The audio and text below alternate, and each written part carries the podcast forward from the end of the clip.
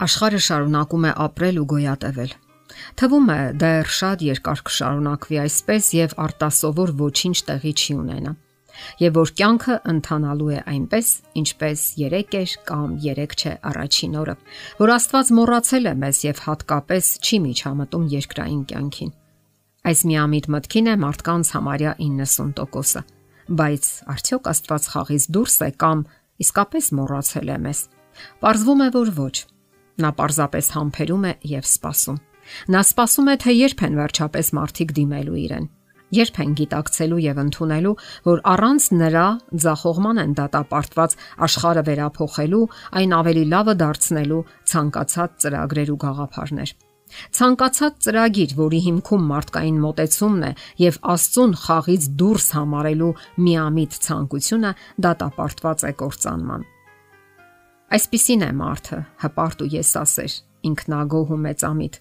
երբ փորձում է հասնել այսպես կոչված եղբայրության ու խաղաղության, երբ փորձում է սոցիալական արդարություն հաստատել աշխարհում եւ դադարեցնել պատերազմները կամ գոնե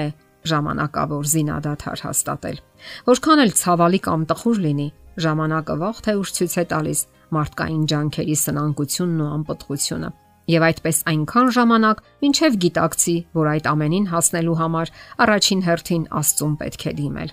նրա առաջնորդությունն ու օշնությունը որոնել եւ դա անել ամենայն լրջությամբ ու պատասխանատվությամբ գիտակցելով որ մեր աշխարհը խորասուզված է մեղքի ու ապականության մեջ հասկանալով որ մեր աշխարհը համարյա թե նույնն է ինչպիսին էր իր ցակումից ի վեր երբ Եդեմական դրախտում գործեց առաջին մեղքը եւ զրկվեց դրախտում ապրելու օրհնությունից։ Իսկ մեղքը զարգանալու հատկություն ունի եւ այն լիովին փոխեց մարդկային բնույթը։ Դա այն նույն բնույթն է, որ Կայենի մեջ էր, երբ սپانում էր անմեղաբելին։ Իսկ պատմությունը կրկնվում է նաև այսօր, երբ տարապում են արթարները, ծաղկում ու բարգավաճում են անարթարներն ու խարդախները։ Թվում է այլևս տեղ չկա, լցվել են համբերության բաժակները եւ այնուամենայնիվ Աստված դեռևս համբերում է։ Բոլոր ժամանակներում եւ բոլոր մշակույթներում աշխարհի վաղճանի մասին գաղափարախոսությունը եղել է առաջնային դիրքերում։ Բոլոր ժամանակներում խոսել են այն մասին, որ աշխարհի վաղճանը մոտ է։ Իսկ երբ կլինի այն իրականում եւ կլինի արդյոք այդ վերջը, թե մարդկությունը շարունակելու է տարապել ու ապրել անհուսության մեջ։ Մենք չգիտենք թե կոնկրետ երբ կլինի այդ վաղճանը, սակայն անկասկած է, որ այն մոտ է։ Իսկ ինչ մարդիկ հանգստացնում են իրենց մտածելով, որ այդ դատաստանը եւ աշխարհի վաղճանը դեռ շատ է հեռու, Աստվածաշունչը Դանիել Մարգարեի Մարգարեության մեջ այսպես է արտահայտում, որ այդ դատաստանը արդեն սկսվել է երկնքում եւ դա անվանվում է հետաքննական դատ Այնտեղ քննվում են յուրաքանչյուր մարդու գործերը։ Իսկ երբ վերադառնա Քրիստոսը, արդեն հայտնի կլինեն բոլորի գործերը։ Հավերժական մահ կամ հավերժական կորուստ։ Իսկ ինչ վերաբերում է Աստծո դատաստանին, ապա հասկանալի է, որ ոչ մի գաղտնի արարք կամ մեղք չի լինելու, որ հայտնի չդառնա Աստծուն։ Այսօր մարդիկ շարունակում են հանցանքներ ու մեղքեր գործել եւ անպատիժ մնալ, հուսալով, որ ոչ ոք չի տեսնում դրանք։ Նրանք թաքցնում են իրենց մեղքերն ու հանցանքները, ազատվում աշխարհիկ դատաստաններից, սակայն չեն պատկերացնում, որ գալու է այն օրը, երբ կանգնելու են Աստծո առաջ եւ հաշիվ են տալու իրենց բոլոր մեծ ու փոքր հանցանքների համար։ Ժողովող գրքում Սողոմոնը գրում է. որովհետև Աստված ամեն գործ կբերելու է դատաստան, ամեն ծածուկ բանի հետ, թե բարի, թե չար։ Մարդիկ սիրում են խոսել քրիստոնեությունից եւ գեղեցիկ ու ուզումնալից քարոզներ անել սակայն մոռանում են Աստվածաշնչյան հիմնարար ճշմարտությունները, որոնցից մեկն էլ վերոհիշյալ միտքն է, որ Աստված ամեն գործ արարք ու միտք բերելու է դատաստան։